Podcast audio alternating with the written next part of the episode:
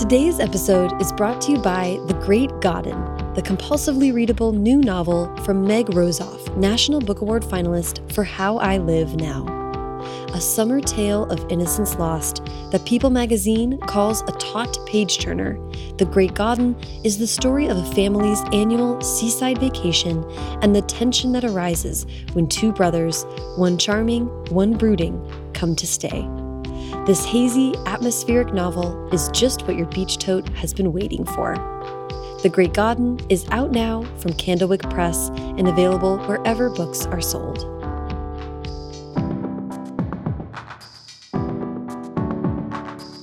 Welcome to First Draft with me, Sarah Enni. This week I'm talking to Tanaz Bhathena, author of A Girl Like That and The Beauty of the Moment, about her fantasy series, Hunted by the Sky, and its sequel, Rising Like a Storm, which is out now. I loved what Tanaz had to say about writing rebellious characters so she could live vicariously on the surprise of public reaction when your book finally goes out into the world, and how writing her fantasy series brought magic back into her life. If you'd like to support First Draft, a quick and easy way to do that is by subscribing to the podcast wherever you're listening now, and by leaving a rating and review on Apple Podcasts. You can also go to the website, firstdraftpod.com, to check out the show notes for this episode and every episode, which has links to everything that the guest and I talk about. First Draft is an affiliate of bookshop.org, so when you buy books through the links on the website, it helps to support the show and independent bookstores at no additional cost to you. You can also sign up for the First Draft newsletter at firstdraftpod.com to make sure you never miss an episode and to hear about news and upcoming events. Also, also, also, last thing, I'm just so excited to announce that First Draft merch is now available on the website. Go to firstdraftpod.com and click on shop to see t shirts and sweatshirts, dad hats, notebooks, mugs, all kinds of stuff, stickers. Every single purchase helps to keep this show independent and free. Okay, now, please sit back, relax, and enjoy my conversation with Tanaz Bhathena. Hi, Tanaz. How are you doing today? I'm doing great, Sarah. How are you? I'm doing well. I'm so excited we could finally connect and chat. I'm so excited to get into it. I have tons of questions about Rising Like a Storm and the Wrath of Ambar series, but I am going to start by going way back to the beginning and ask you about where you were born and raised. I was born in Mumbai, India, and when I was very young, maybe about a year old, my parents moved us to Riyadh, Saudi Arabia, where I lived for about 10 years, and then we moved to Jeddah, where I lived for another five years.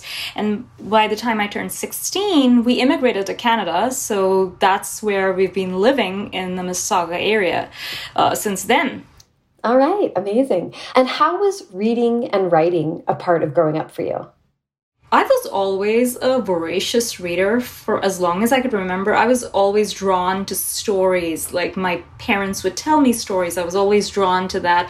And I remember vividly being five years old and my mom was reading a picture book to me. And I really loved the picture book. So I told her, Can you keep reading it to me? And I made her read it three times in a row. Poor thing. So she got exhausted. and um, what ended up happening was that she said, You know, I think the next time you should read it. So, you know, I said, oh, okay. I was like a little bit annoyed that I had to read this. And I'm like, you know what? Okay, fine. I started reading it. And suddenly it was as if my mind lit up. And I thought, oh my God, this is awesome. And I just kept on reading after that. And I never asked her to read me stuff. I started reading on my own. And in terms of writing, I think it evolved organically because I think kind of reading a lot led me to want to write stuff and mm-hmm. just make up my own stories and things like that. Also, there was an annual magazine that our school ran, and you know, the cool kids got published there. So I wanted to be published there too. And so that's what got me started into writing. I was, you know, uh, when I was eight, I wrote this story and I also illustrated it about three girls who went to see a witch on a mountain. I don't know what happened to them because I never finished the story. But I think after that, I wrote a lot more, you know, experimented with stuff. And then finally, I started writing complete short stories by the time I was 11 or something like that. And by the time I was 13, I was I was decided in my head that I wanted to write books for a living. Of course, my parents had a completely different idea in mind. I mean, I remember in being in the eighth grade, and my dad uh, came up to me and said, "Okay, Tanaz, uh, in two years you're going to be in grade 11, which means that you're going to have to decide which stream of college you'll be going into. So, have you decided so far what do you want to do in the future?" And this is me being 13 years old, and I'm like, uh, I have no idea. And then he just started asking me, Do you want to be a doctor? I said, No, I don't like science. Okay, do you want to be an engineer? No, I hate math. Okay, then what do you want to be? Then I finally, you know, I just very, very quietly said, I want to be maybe a writer.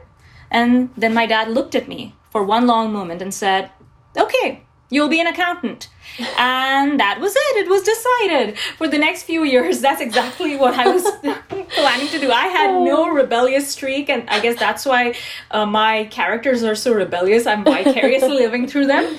But uh, yeah for me i uh, continued studies uh, and i have a bcom with a specialist in accounting. And it was not until my fourth year in university that i really began to feel frustrated with the career path that i'd chosen. And i thought that i really want to give this writing thing a shot. And so I had a chat with my parents that I do want to pursue this part time also if I can. So they said, okay, if you can even get admitted into a college on a creative writing program then it's on you you try it mm-hmm. right and so i did i applied and to a correspondence uh, course for creative writing at humber college in toronto and i got in and so that sort of convinced my father, oh, how did they let you in? so, like, how, how, how did he, they let you in? So it's fine. You know, okay, you can do this thing on the side as long as it doesn't interfere with anything else. So I started working full time in an export company, and I also would write part time, which means that I would get up at five in the morning and write for two hours or three hours, and then I start work. and then you know that that's been my schedule even now. Oh, that's so interesting. Okay, I have a few questions about that. I love I love getting accountant as being like a we'll find a middle ground somewhere somehow. we um, will when you decided, you know, you were feeling unhappy and deciding to go back to kind of your creative roots, um, I'm interested, did you pick back up with the kind of the short story form that you had been, it sounds like, doing when you were younger? Or how did you, you know, you have to submit writing samples for programs like that, and, and it sounds like you had kind of taken a little time off. How did you get you get back into it? Well, that's a great question, actually. So, um, when I entered university, for the first year, I would write short stories. So, I continued writing until my first year of university. Um, the I would like uh, submit stuff to magazines and journals and things like that. But in university, I sort of stopped for almost three years and I didn't write anything at mm. all. So I had to go back to it. And I then I thought, what do I write? I started going back to the short story form because that was something that I was most comfortable with. Mm-hmm. And I thought that what I could do was also do a collection of short stories because. Mm-hmm you know the one advantage is having a short story means you can submit to literary journals and i knew to get published you had to have an agent mm-hmm. to get an agent you had to have a platform and how do you build a platform you get published right mm-hmm. and the easiest way was uh, you know writing short stories for literary journals so I said, okay, let me start doing short stories. If I have enough stories, I can maybe do a collection and then we can try to sell the collection. So that was my grand plan back in the day. And so that's something that I started doing. I, um, uh, I, for me, I think the biggest uh, breakthrough happened when uh, I started uh, reading The Lovely Bones by mm. Alice Sebold. And I thought this is a really cool way of writing a book where you have a dead character looking down on the world.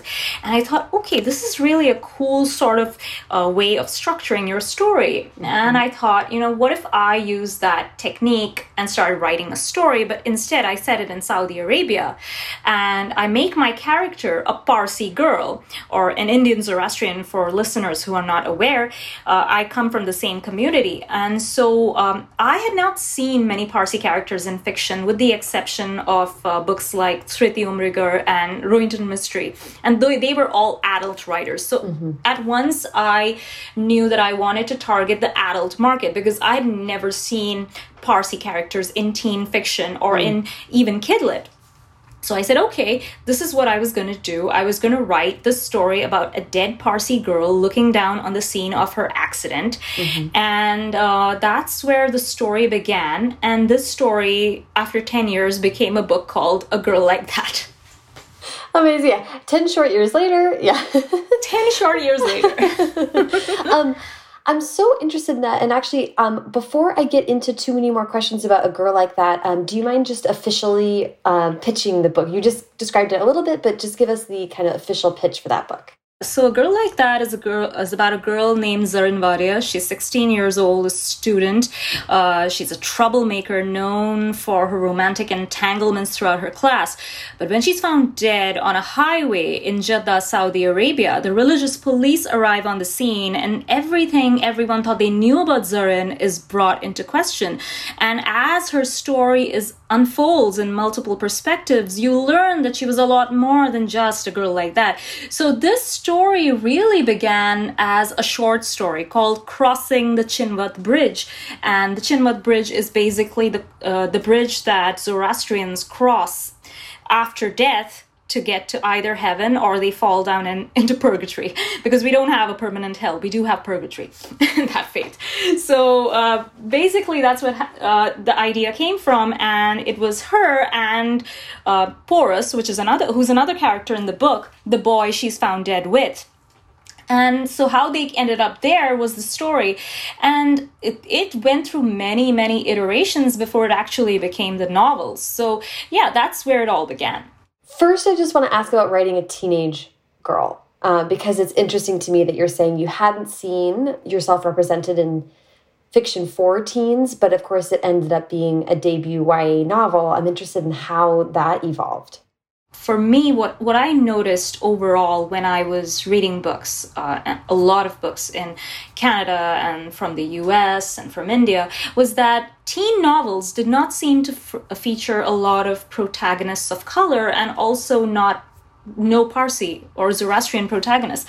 However, I ended up seeing a lot of Parsi characters or even younger brown characters in adult fiction. They could mm-hmm. be children as well. So I thought to myself, you know, um, I was thinking about Rohinton Mistry's uh, short story co- collection, Tales from Firozsha Baag, which is a collection of short stories set in a Parsi colony in Bombay. And so, what I was thinking that I could do is I could write a collection of short stories set in Saudi Arabia, and all of them would be based around a specific school. Mm. So, because I grew up in Saudi Arabia for 15 years, I went to an Indian school over there. And so, I was very, very familiar with how it was to grow up and what it was like to go to such an academic environment. So for me, that's where it all began in terms of writing the story. And so it took me four years to write these short stories and make them into a collection of into a collection and then i queried for an agent it took me a year to find an agent and then uh, she told me that it could be difficult to sell this but we're going to try anyway, and we did try to sell it to several editors. But very quickly, we found out that while editors liked the writing, they wanted me to write a novel. Mm. And so my agent said, You'll have to write a novel. So, again, to make these short stories sync as a novel and stories was very difficult. I wasn't working. So, an editor told me that why don't you just start from scratch? Take one story and just start from scratch. So, I looked at the story that felt the brightest. I don't know that i guess that's the way to describe it for me that i felt that was like the brightest story the one that resonated the most and that was mm-hmm. zarin's story and the very first story that spawned this collection. So i started writing uh, from there and that's where i started uh, expanding in terms of the narrative voices. I had about like eight narrative voices in that, eight point of views. And it was an adult novel that I eventually submitted to my agent. My agent loved it and she said, let's submit it. And so this time we again sent it out on submission. Again, we got rejections, but this time it was a little bit different because none of the editors could seem to agree on why they did like didn't like the manuscript. Mm-hmm. Some people said, why is this manuscript set in Saudi Arabia? It should be set in India. And I would be like, why would you do that? you know it doesn't make sense yeah. and then there were other people who said that why do the characters die in the beginning you know it, it's such a sad story it's so dark you know why is it so dark? And i thought that adults could handle darkness right? It, was like something weird. And so i said you know what? None of these uh, comments really merit another revision. So why don't we resubmit? And she mm-hmm. my agent said okay let's resubmit. But this time what she did was that she also submitted to a couple of ya editors. And one of them, uh, Susan Dobinick, who was working at FSG at the time, she's now at Bloomsbury she came back to Eleanor, who's my agent, and she said, Why doesn't Tanaz change it and make it a YA novel? And she actually asked to speak to me mm-hmm. on the mm-hmm. phone, which mm-hmm. is kind of rare. I didn't expect an editor wanting to speak to me. And we had a nice conversation. And she said, you know, this is what I was expecting you to do, which was basically change the adult voices to teen voices. Mm. And I, I asked her the one question, the trick question Do you care that they die at the beginning? She said, I love that they die at the beginning the two main characters. So it was like that decided that decided it. And she's like, I love it. I absolutely love it. And uh, this is how a book that adult editors deemed too dark for the adult market ended up in the hands of teenage readers. That is incredible. Oh my gosh, that's so interesting. I'm so I'm so interested in that. That's really wonderful that you found an editor who was who got what you were doing and was ready to go with you there. Besides just like changing ages for some of the characters, I'm interested in the process that you underwent to kind of make it a YA book. This is a, a kind of one of those nebulous, interesting things that we always talk about. What really is the difference between adult and YA? And there's some concrete things, but there's also kind of a, a tone or, or a vibe. Or so I'm just interested in what your process was in making that shift. Well, in my case, it was actually not very difficult because a lot of the characters in my book were teenagers because it was very much school oriented. Mm-hmm. But it was also, uh, the adult version also explored more of Zarin's family life. So it had mm-hmm. her aunt and her uncle's perspectives and their life in India. And so it gave, gave you a sort of background into how uh, she came to be and how, why they were behaving the way they behave in the novel. Mm-hmm. And so uh, for me, I had to sort of integrate that backstory without their perspectives. And that was the mm-hmm. tricky part. And I had to do that through Zarin's point of view most of the time, or sometimes through Porus's point of view if, when he came to visit them. So he would observe the way they acted and things like that. Mm-hmm. So, you know, you had to sort of uh, explain what happened in the past through their actions in the present. So a lot to do with body language and their mm. dialogue, and sometimes just by eavesdropping on their conversations mm-hmm. with people back home in India that, oh, okay, you know, this girl, she's like her mother and this and that, and, you know, drama, drama, drama. But yeah, that was the kind of stuff that was happening. And so it was really very much. Uh, based on real life. I, I thought to myself that as a child, how did I discover things and family secrets, you know, mm-hmm. by mostly by eavesdropping. Come on, I mean, I'm a writer, right? That's how I learn stuff. I eavesdrop. So that's uh, that's simply uh, kind of played out into the process of changing and converting things.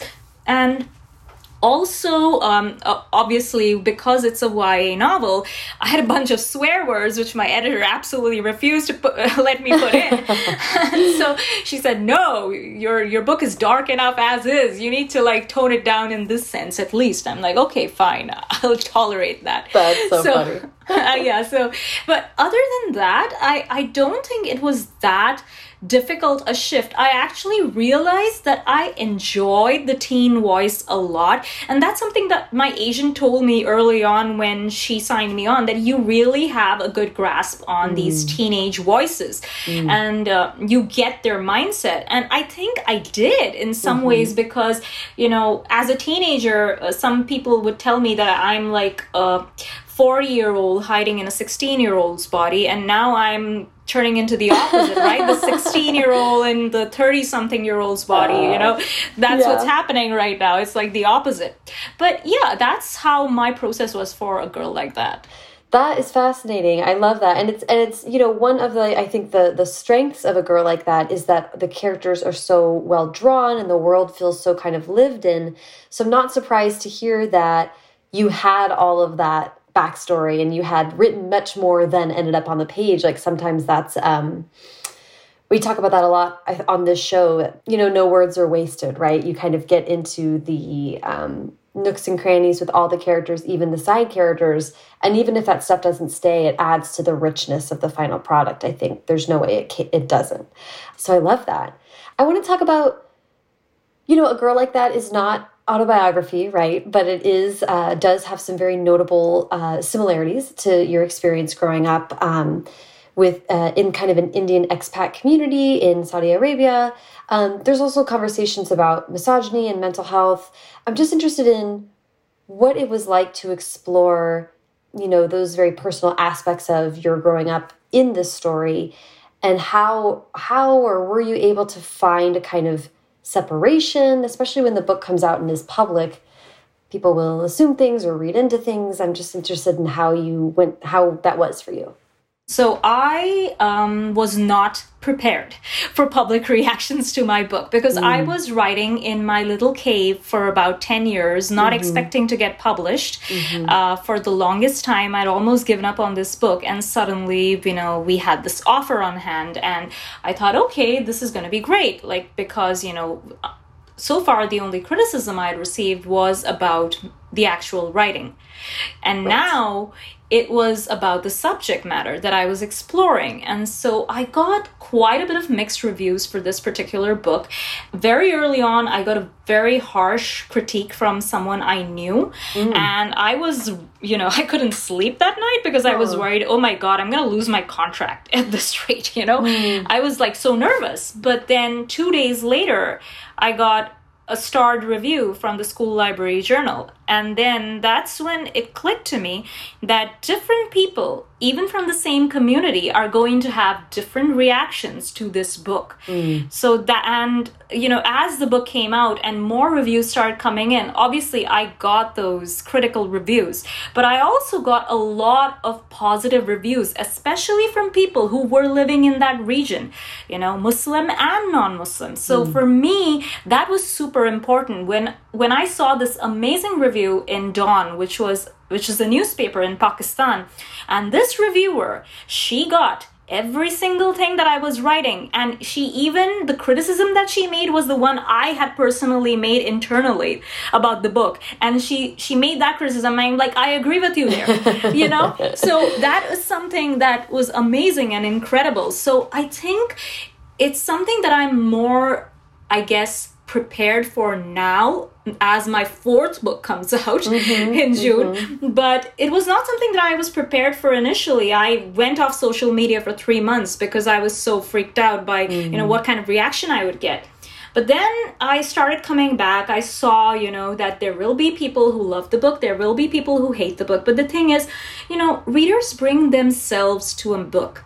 And oftentimes, if they don't see something that they are familiar with, they're disappointed or they feel that we're writing a stereotype or something like that. Mm-hmm. But the problem is that someone else's stereotype may be my reality.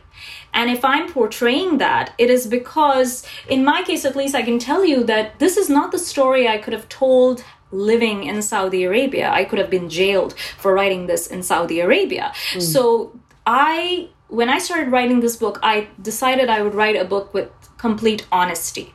Mm-hmm. And, you know, as with as much care as possible. And this is something that most people who've read the book have seen that I've written this book as a critique of a, a particular society and its treatment of women, mm-hmm. not about religion. This book is not a critique on any religion. Please do not come to me or do not at with at me about that because I'm not going to even tolerate that. Mm-hmm. This book is a critique about a particular society at a particular time, especially about women. Mm-hmm. And so, you know, this is something that I'm more comfortable talking about now than I would have been maybe in 2018 when the book mm-hmm. came out. Right, right, which is so interesting, and it, and it is uh, to your point of it takes place. I believe, if I have this right, a girl like that takes place in 2014, uh, because there have even been changes and adjustments in Saudi Arabian society since then. So it's a very particular moment in time, which I think uh, would more accurately reflect how it was when you actually were living there. So, yeah, absolutely. I mean, in terms of the now there are changes that have been made. Uh, women can drive, so mm -hmm. I'm mm-hmm. guessing that if that was happening, Zarin would be driving and getting into trouble on her own. I mean, she would be doing that that sort of stuff. But uh, yeah, there are lots of things that have changed. Uh, I think for the better. There mm -hmm. are mm-hmm. still improvements that are needed in that society, but then that is true for any society. But I'm, uh, as a whole, pleased to see the changes that are coming forward and you know the progress that is being made as well mm -hmm. yeah it's it's and i appreciate you speaking to that because that is something i am always interested in especially when you are writing a story like this that is not only personal but also not you know there are not a ton of stories like this so your book is um unfairly, I think, being asked to serve an audience that just deserves more than one book, of course. Um, I agree. I agree yeah. entirely. And and if you want another book, why don't you read Driving by Starlight by Anat Deracine, who is a Saudi, and you know she's written this book. Uh, there's Girls of Riyadh by Rajaa Alsanea, there are so many other Saudi authors who have written books. So I think if you look more into that region's literature, I'm mm-hmm. sure you can find stuff. And because I was finding stuff back then, you know, and now mm-hmm. there's more and more stuff coming out of the Middle East and by people who actually live there. Mm-hmm. So I think you should look into that as well if you're interested in Saudi Arabia and that region. Don't just look at my book as the only example. It's too much responsibility. Come on. Right. I'm not. I'm not. Right. The, I'm not the spokesperson for Saudi Arabia. Right. And I will put uh, links to those books in the show notes as well, so people can check those out. Uh, I want to kind of lead us to Hunted by the Sky um, and its sequel, Rising Like a Storm, which is coming out. But I understand that part of the origin story of this duology is a book that didn't work. Um, and I wonder if you could tell us about that experience. How Hunted by the Sky came about. I loved reading fantasy as a child. Uh, I remember being completely obsessed with stories about werewolves, witches, and vampires. My very first short story that I you know mentioned briefly when I was 11 was about a werewolf at a girls' boarding school, and that was inspired by me voraciously reading R.L. Stine's Fear Street series and Fear Street sagas and Goosebumps mm-hmm. and stuff like that. And you know, I was reading those books, and so I was really into fantasy. I wanted to write fantasy, but at the same time, whenever I tried to write more than maybe a sh- small short story, I always felt as if, you know, things weren't working out. My pixies didn't look like pixies or sound like pixies. My goblins mm. were off. Something was off because I was growing up in uh, an Indian school in Saudi Arabia, and a lot of my influence was Indian. So mm. I would watch a lot of Indian TV shows and a lot of Indian fantasy, which I also loved that I love that too. So I'd watch like uh, shows about Indian mythology and history, like the Ramayana and the Mahabharata, which are great Hindu epics, and Akbar Birbal, which is about the Mughal emperor Akbar and his court advisor Birbal. And those were like amazing stories that I grew up watching and reading, and you know, all these things were there. But uh, many years passed by, and I thought that I didn't have the imagination to write anything in fantasy. Mm. And uh, by the time I finished copy edits for A Girl Like That, which was maybe in 2016, I thought to myself, okay, I really need to do something other than contemporary. I'm, I'm kind of exhausted mm. with it. So I uh, thought, okay, what should I do? I was still too intimidated to write fantasy. So I thought, okay, you know what? Let me try and write a science fiction dystopian novel set in a completely different world uh, you know fantasy adjacent but not fantasy. It's still quote unquote realistic you know? Mm. and then i wrote something which uh, 50000 words of utter trash.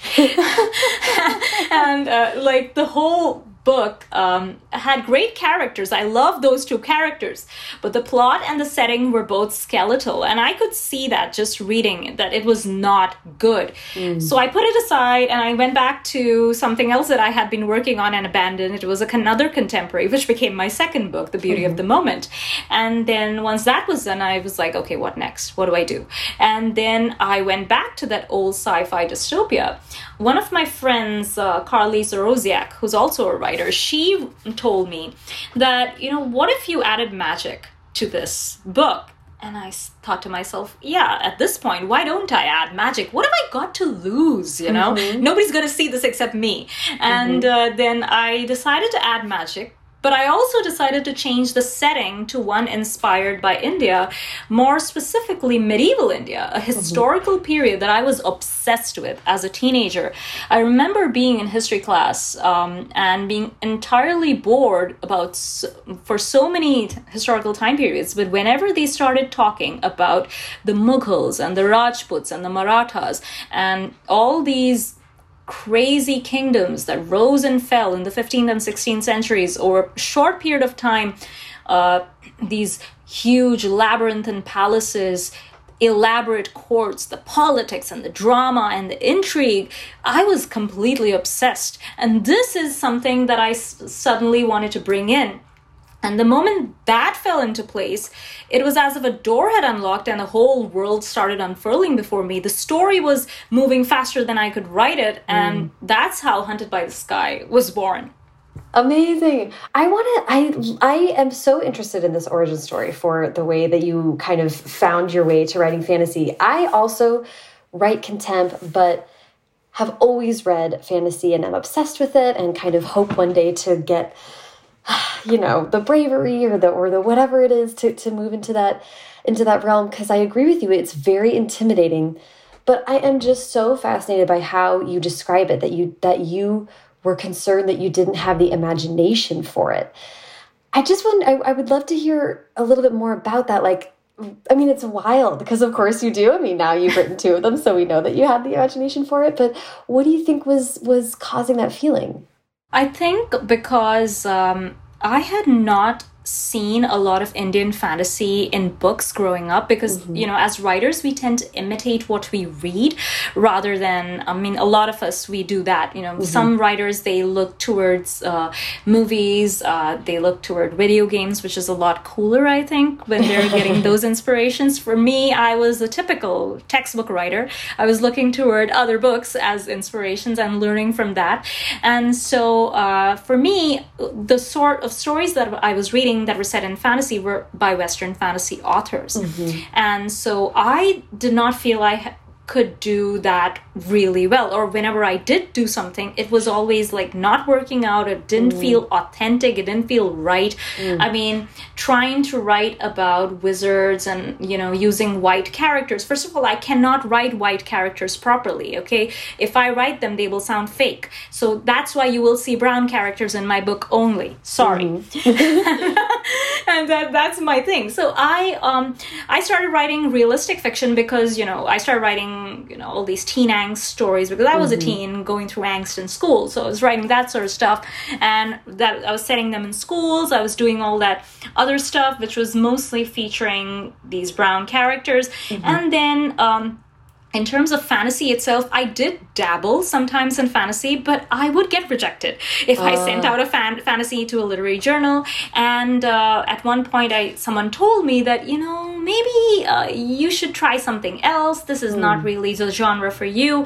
Mm. And I made the mistake of believing them. Mm. So mm-hmm. it was, uh, you know it was only later that I began to see a lot more fantasy coming out of India, which was really uh, a retelling of mythology. Mm. But that was again something that I did not want to do because mm. I feel that mythology, the retellings that were coming out of India and the reimaginings were so much more sophisticated than mm. anything that I could personally come up with. So I thought to myself, these things have already been done by better authors.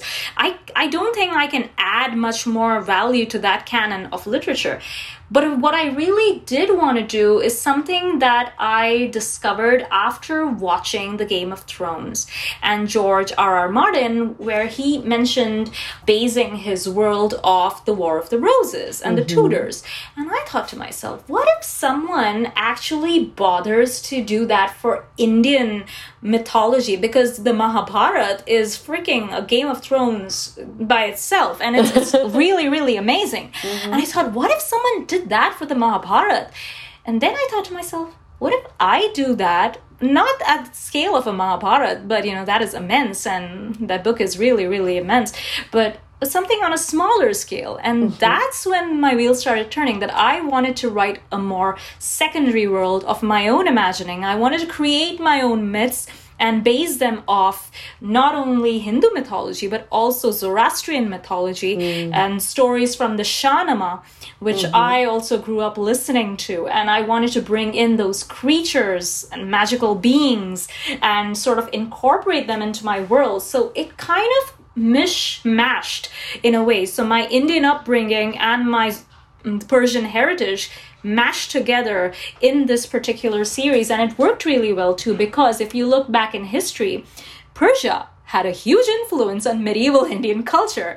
And Persian was the language of the Mughal courts, even uh, during Emperor Akbar's time. Texts like the Mahabharata were translated from Sanskrit into Persian. So somehow I felt like I belonged in this world. And I was like, yes, I was meant to write this particular story. Yes. Oh, I love that. And, and I thank you for, I mean, it's, there's something so satisfying about hearing fantasy writers talk about the different um, worlds and, and traditions that they bring into their work. And I think that you just illustrated exactly why I wanted to kind of like poke a little bit at the idea of, of not having enough imagination because I do think that maybe newer writers feel intimidated because they think they have to create something from nothing. And what you've just illustrated is the beauty of taking all the different wonderful things and, and traditions and stories and, and myths and folklore that we all uniquely grow up with and transforming that and putting that through the kind of the sieve of our lived experience. That's what makes truly original work. It's never going into a, a you know a white wall room and just creating something that has never existed before. Like that's arguably never been done, but it kind of feels like that's what you're supposed to do until you get into it. Um, That's what I did for my uh, first uh, attempt. Oh, right? This, yeah, I went into the white for the dystopian. I went into the white wall room, and I'm trying to create this freaking world. And I was like, okay, this this really is bad. this is not it. this is not it. Uh, um, I realized we're getting into the book, but uh, uh, uh, so much that I would actually like to have the series pitched for us, um, so we can kind of get a better sense of it, please.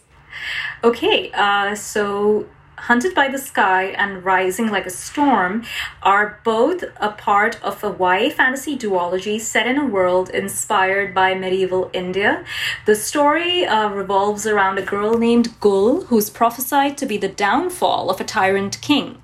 When Gul's parents are murdered by the king's soldiers, she barely manages to escape and is rescued and taken in by a group of rebel women called the Sisterhood of the Golden Lotus who train her in warrior magic. Uh, by the time she turns 16, Gul has only one thing in mind, and that is revenge. She eventually infiltrates the king's palace with the help of a reluctant ca- um, stable boy named Kavas, who has some dark secrets of his own. But the palace has its own secrets, and what Gul and don't realize is that there is more to their burgeoning relationship than just a romance. The bond between them and the magic they realize may be the only way to end their kingdom's tyrannical rule. And in Rising Like a Storm, they come across a new tyrant who is deadlier than any ruler they've ever known. So, to summarize this, this duology contains chosen ones, an enemies to lovers romance, fierce female warriors, magical creatures inspired by Indian and Persian mythology, and some very cranky ghosts. oh, I love that. Oh my gosh, what a great pitch. Um, yes, sign me up. I loved reading these books so much, and they're so rich and like really nothing is more satisfying than a fantasy book that makes you want to go back and research and, and learn more about the things that are referenced and all that stuff. So this was like very transportive and definitely made me feel that way. I want to talk about Gul as a character. You said earlier you're you are writing rebellious young characters as of in a vicarious way. I'm I'm interested just in the contrast of writing rebellious young women in a contemporary setting versus I mean, in Hunted Like the Sky uh, and Rising Like a Storm, so much more rebellion can be had, and so much like more sort of visceral victories can be had, and and it's it's just you kind of get to amp it up to this wild degree. So, what was it like to kind of broaden what your characters could do in that way? it was awesome like really so much fun like you know um, i have this character who can do explosive magic. But at the same time, her magic takes a toll on her. It has its price. She has very little control over whether or not she can access it. At least in the first book, especially, it is difficult for her to access her magic. And so, you know, her magic emerges only during moments of fear or when she's you know desperately trying to save herself mm-hmm. and so that is what happens and when she does perform magic especially death magic or magic that's used in battle it really takes a toll on her body and mm. that is something overall that i really wanted to bring across in this particular world and in this particular magic system is that you know it's not all easy if you have special powers mm. because you know then there would be no story because even in the real world, whenever you want to get something, there's an opportunity cost, right? Mm-hmm. So you have to give up something. And what mm-hmm. is this character giving up to get to this point in the book? And that's something that is true even for contemporary fiction that, you know, what are you giving up mm. to get to this point in the book. Mm. So that is something that I was really playing with, but on a more magnified level, especially with fantasy, because you can do a lot more, but you can also impact a lot more people. So your responsibility is a lot higher. It's like everything is magnified. Like the devastation you can cause is a lot worse. And uh, you're responsible for a lot worse. So I think that is something that I really enjoyed writing because it was sort of liberating in a way to be able to do these things and to have and to put these characters in really, really dangerous situations mm-hmm. and have fun with it as well because you knew that you know you could make them do stuff that they wouldn't be able to in real life and that's what was really really fun about playing in this fantasy universe I had read somewhere, and maybe this is true or maybe I misread, but I think was this originally conceived of as a trilogy or how yes. had okay. Yes, it, it was. It was uh, conceived initially as a trilogy because I thought that that's how YA fantasy sold. It sold as trilogies, and that's what I thought. And so uh, I actually did not want to pitch just the idea. My agent loved the idea and the first couple of chapters I sent her, but I said no, I want to finish the whole book because mm. what if I don't have a series? What if it's just one book and then mm. we sell it as a trilogy and then I have to write two more books? That's scary. Mm-hmm. So instead, I finished one whole book and I sort of had an idea of what the next two books would be. We pitched it. My editor loved it, but they wanted to buy a duology. Mm. Mm-hmm. Shocker! now we have to now we have to change things around, and it's like okay, we're selling this as a duology. That means I have to shrink the whole world. So initially, when I had plans of Gul and Kavas, you know, traipsing through all four kingdoms of Swaptalok, instead now I have to confine them to Ambar and have this whole war taking place there. And so um, that was something that was pretty challenging because I had to shrink my ideas down, mm-hmm. but at the same time, it was a good exercise in brevity because you could actually have you have to actually narrow down your world it's like you're razor focused and you have to really look into the fine details of that particular mm. world and that particular kingdom and i realized after after the fact when i was writing the second book how glad i was to not have a third book to write mm. because or, or not feel like i was writing you know you know how when you're a writer you have a saggy middle in a novel i was writing an entire saggy middle novel instead mm-hmm. you know that's what i felt like i felt very very liberated in that sense that this book is coming the series is coming to an end in two books and i think i can satisfactorily do so without mm-hmm. having to do a whole other book mm-hmm. so i mm-hmm. was very happy about that that's good i'm glad it ended up being a good experience that is a little intimidating to say like oh, I've got to shrink this by a, a full third. So I want to talk about the writing of this book. I, I read something, I think this was perhaps on Instagram or Goodreads, or you wrote, This book brought magic and ferocity back into my life when I thought I'd lost both. And I just wanted to ask what what you meant by that or what or what the experience of actually writing this book was like for you. So um, I'm very interested that you actually read that and you're asking me that Chloe. so you're a good journalist that talks to your background right journalism so uh, okay so that um, when i was writing hunted by the sky i was going through some major health issues mm. so i was just diagnosed with ibs and mm. i was struggling really to uh, just you know function day to day because i was not that i had not been diagnosed at the time i think i was just you know figuring things out and mm-hmm. finally we reached a diagnosis and then you know trying to figure out how to eat what to do how to exercise to mm-hmm. reduce symptoms what you know medication to take and i was really feeling low and then you know then i had this book that i had to write and i felt like um Gul's ferocity drove me on. You know, while I was writing this extremely determined and extremely ferocious girl who was you know ready to just go in and do whatever and kill people. And i was like you know i when I was feeling low, I kind of channeled some of that energy. So I took on some of her energy. Usually, mm. as a writer, you are uh, putting in your energy into your characters. But this time, I was drawing energy from my characters. And mm. that is mm. something that brought magic back into my life. This particular book as well, because also in terms of the research, in terms of what I was doing, these worlds I was exploring, which mm. I had never had the opportunity to do. And it was like going back to my childhood, but not quite and also researching and reading up historical fiction and mm. non-fiction especially about india and mughal india and coming across all these crazy stories about all these medieval kings who had these elephants crushing people's heads with their feet and you know all these really really crazy things so i was absorbed. I was escaping into a different world and mm-hmm. I was mm-hmm. escaping my own reality. And mm-hmm. at the same time, I was also becoming more determined about, you know, following a schedule and becoming healthier and mm. trying to get my life back on track. And mm-hmm. that was something that really, really moved me forward and brought magic back into my life. So I think, in a way, writing keeps me sane, but it also keeps me pushing forward. Yeah, oh I love that. That's really and and I wonder too, I'm so intrigued that you are still writing with a full-time job and you just mentioned routines and having a format. So I'm interested in what I'd love to hear about your process and what um, an average kind of writing day is like for you, and also whether or not that has had to shift over the last year as you've been you you are still in lockdown as we talk today, actually. Uh, so my typical schedule is um, I wake up at five in the morning. I start writing, if especially if I'm on deadline or if I have a project in mind and I want to mm-hmm. pitch something.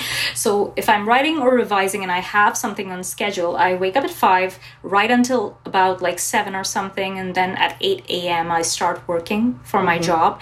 And uh, then in terms of, you know, just this is something that I've been following regularly. So every single day without fail, I do this. Mm-hmm. Uh, weekends, I uh, take Sunday off because everybody needs a day off and you need to recharge. And that's mm-hmm. what I do. I sometimes don't even read when I'm drafting a new novel, especially mm. I don't read books within the same genre because I feel it sort of impacts my writing when I do mm-hmm. that. Mm-hmm. Uh, I tend to, if I'm writing fantasy, I will read contemporary romance because that will still keep me reading but you know it's a completely different genre and it's something mm-hmm. really enjoyable so that's mm-hmm. something i will enjoy if i'm writing contemporary uh, then i'll read fantasy instead because it's completely different genre again so that's something that i tend to do all the time i'm always switching over to opposites and in terms of schedule and everything i try to be pretty disciplined in what I do. And uh, more recently, I submitted a draft of my fifth book to my editor. And um, so I took like two months off writing completely and i didn't mm-hmm. feel the need to go back and write mm-hmm. which told me that my brain was completely you know exhausted because i i was writing so basically for this particular series so i was writing hunted then i had to write Rising, and then while I was writing Rising, I had to copy edit and do this edits for Hunted. Right. And then again, when I started editing Rising, I was writing the new book and then when I submitted it, so I've, I've pretty much drafted like five books in five years, sort of thing. Oh so, my gosh! Yeah. So it's it's it's been a bit, you know, I I feel that exhaustion now at this point, and I really feel the need to recharge, but at the same time now uh, I feel like I'm ready to go back into revisions, especially for book 5 mm-hmm. And my editor has mentioned that she'll be dropping an edit letter anytime in my inbox, so I better be prepared. You're on notice, yeah. I'm on notice. yeah, that's. I mean, what a well earned two months off. No, no joke. That is a really grueling schedule, but, but I like how you're kind of phrasing that. Like, I do think giving yourself regularly one day off and trying to take care with what you're reading at the same time, you can kind of create a consistent schedule as opposed to kind of the crash and burn or, or sprinting right at something and then just like getting burnout and having to recover so extremely. So a consistency is probably key. And do you think having a day job helps with that as well, keeping you a little bit sometimes it's nice to have a foot outside of publishing, right? To kind of yeah, yeah, ab absolutely. I mean, if I get tired of words, I can go to spreadsheets. I mean, that's kind of fun to do, right? I mean, that that's my thing. I I feel like it does help to have something else because you know you don't want to be just focused on the whole writing and publishing thing because it can it's so immersive and it's so time consuming and you mm. just get engrossed in the world. I want to have a life as well mm-hmm. at some mm-hmm. level you know i want to be able to go out and chat with friends and family about other things than mm-hmm. just my books i mean sometimes uh, especially during promo season i feel like that's what i'm only doing i'm talking about the book the book the book the book the book and it's like you know i, I really feel like i'm getting annoying but at the same time at the same time uh, there's this is something that i've also accepted as part of my job it's mm-hmm. my job to sell the book it is my job to be the spokesperson of the book mm-hmm. and when when I have to promote, I have to promote the book and I have to be shameless about it. Mm-hmm. Because if I'm not going to do that, nobody else is going to do that. Mm-hmm. So that that is the shamelessness took a while to come. it's it's still it's still a work in progress let me just say that much i'm mm-hmm. still sometimes very awkward about promoting my work but then i'm like you know what i need to sell a copy of this damn book yes yes good good that is a journey i think we're all on finding that finding yeah just leaving the apology behind because we are how can we be sorry? We have to do this job this is our job. I want i'm curious i know you can't say too much but i'm curious about having kind of given yourself the freedom to to explore um, fantasy. I wonder if you feel like you prefer that kind of genre writing or do you think you still have contempt stories to tell or how are you thinking about that balance in your career going forward that's a good question. I usually know pretty much what I am doing next vaguely, but uh, most of the time, uh, you know, I like both genres. I like both contemporary and fantasy. So I do have a couple of baby ideas brewing mm-hmm. in my mm-hmm. head for both genres. Mm-hmm. Now, I don't know which one will take. So I'll have to try and experiment and play around and see which one is stronger at a certain point in time. Sometimes it may just be a short story, mm-hmm. But it's still something. You know, it it still is a product that I'll put out there. You know, maybe it will not be, uh, you know, a whole novel. Maybe it'll just be something like a flash fiction that I might get published online or something like that. But mm-hmm. this is something that I try to keep moving forward with.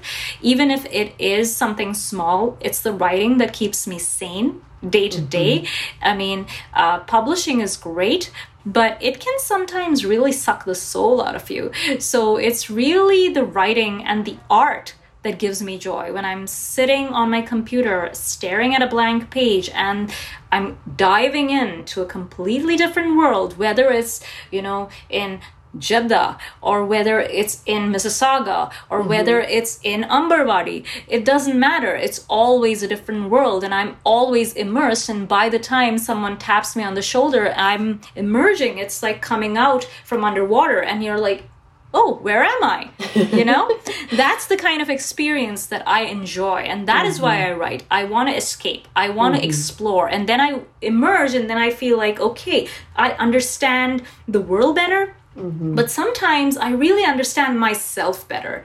And I think that is something that is so beautiful about writing books and writing fiction, especially, mm. because we're always seeking out the truth behind the lies. Mm, yes. Oh, that's so well said. I love that. Yeah, that's um, flow state, right? Where you're really engaged in something. There was just a, a New York Times article about um, languishing, which is a term that I think mental health professionals are using for sort of, especially in this moment uh, where everybody has sort of had to be inside or really significantly curtail activities, right, because of COVID. Um, and they were saying that one of the things that's present is it's not depression but it's languishing and a lot of people are experiencing that i was obviously reading i was reading this article and, and um, relating to it in a big way and one of the things that they recommended for that if you felt like you were in that state was finding projects to just immerse yourself in and to get into that flow state and to build things um, and it was really helpful for me to read because i was like i do know i recognize those are some like life affirming moments when you get into that phase. And for us, you know, we do that with books. It's so integral to our lives and books. But I was reading the article being like, maybe I also need to do that with some other things. Like maybe I'll just go like play with Lincoln Logs or do something, build something in another realm just to kind of free up the mind and be in a different headspace for a while. So that's what was coming to mind while you were describing that. It's a, it's a really important part of life, um, finding meaning in these other uh, versions of uh, creative expression. Absolutely. So, yeah. Um, this has been such a wonderful conversation. I'm so grateful to you for giving me all this time. I like to wrap up with, with advice. You have given a lot of really, really wonderful perspective. I wonder if um, uh, I'm going to ask you this and let me know if you think this is an interesting avenue for advice. But I do actually get a lot of feedback, especially on the first draft Instagram, about writers who are not based in the United States engaging with with traditional publishing in the United States. I wonder if you have any advice for people like yourself who you're based in Canada and a lot of other people are in Mexico or in Brazil and they're interested in publishing alongside the authors that they know and love, which would be in the US. Um, if you have any advice or if there's been anything that has been difficult for you because you're not in the US, I don't know if that's been a, something that's come up for you.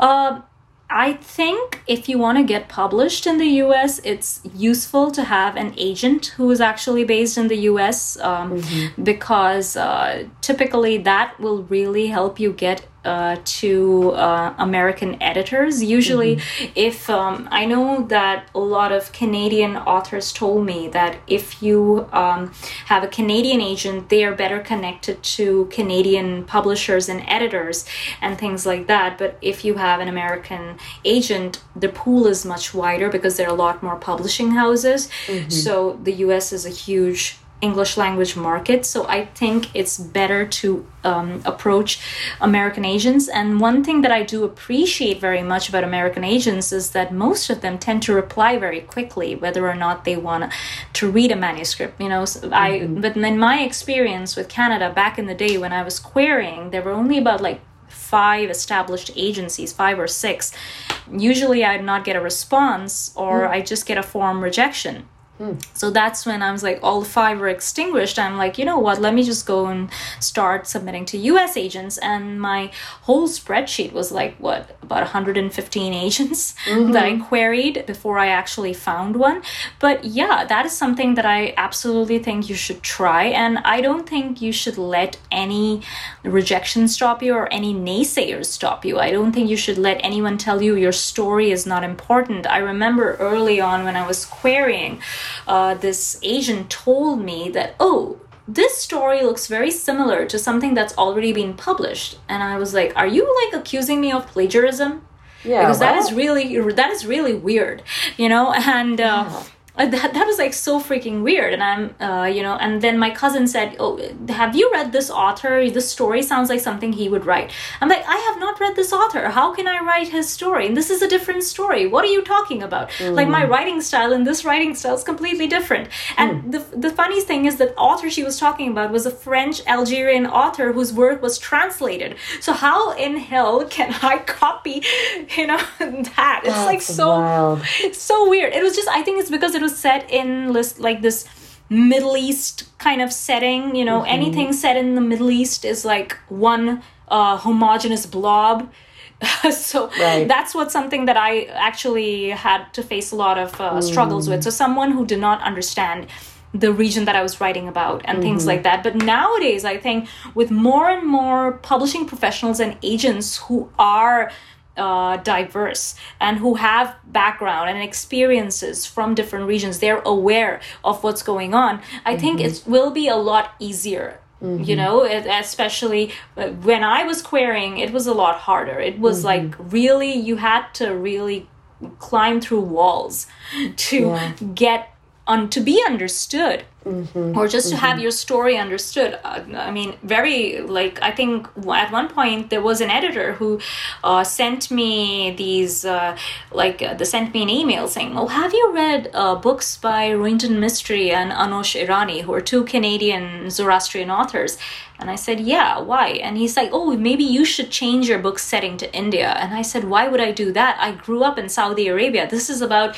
Indian diaspora kids in Saudi Arabia. Why would I change this to Bombay? I didn't grow up in Bombay. I mean, I'm not my parents. What what are you going to do? Like, you know, yeah. that that is this, I mean, I was struggling too. The same thing that North American kids were struggling with that we are not our parents. We do not right. have their stories. Our stories are different. Right. And I think we should be we should own those stories and you know take power from them and also push forward that if not this agent then someone else. I had only one bit of advice then that's something that i used to do. I used to get one rejection. I used to send out 10 more submissions. That's how i used to go. Like i was like very very brute force attack attack attack attack mm-hmm. attack that's how i used to go. And um, you know whenever i tell give this bit of advice to other writers they're like you're really aggressive aren't you? I'm like yeah yes, yes. No shame in that. Absolutely. I love that. No, that's great advice. And I think that's, it sounds like you never settled for anything less than a respectful conversation. And that's a really um, unfair to have to ask of you. But I'm glad you did because it sounds like you ended up with people that respected and understood your stories. And I'm so glad.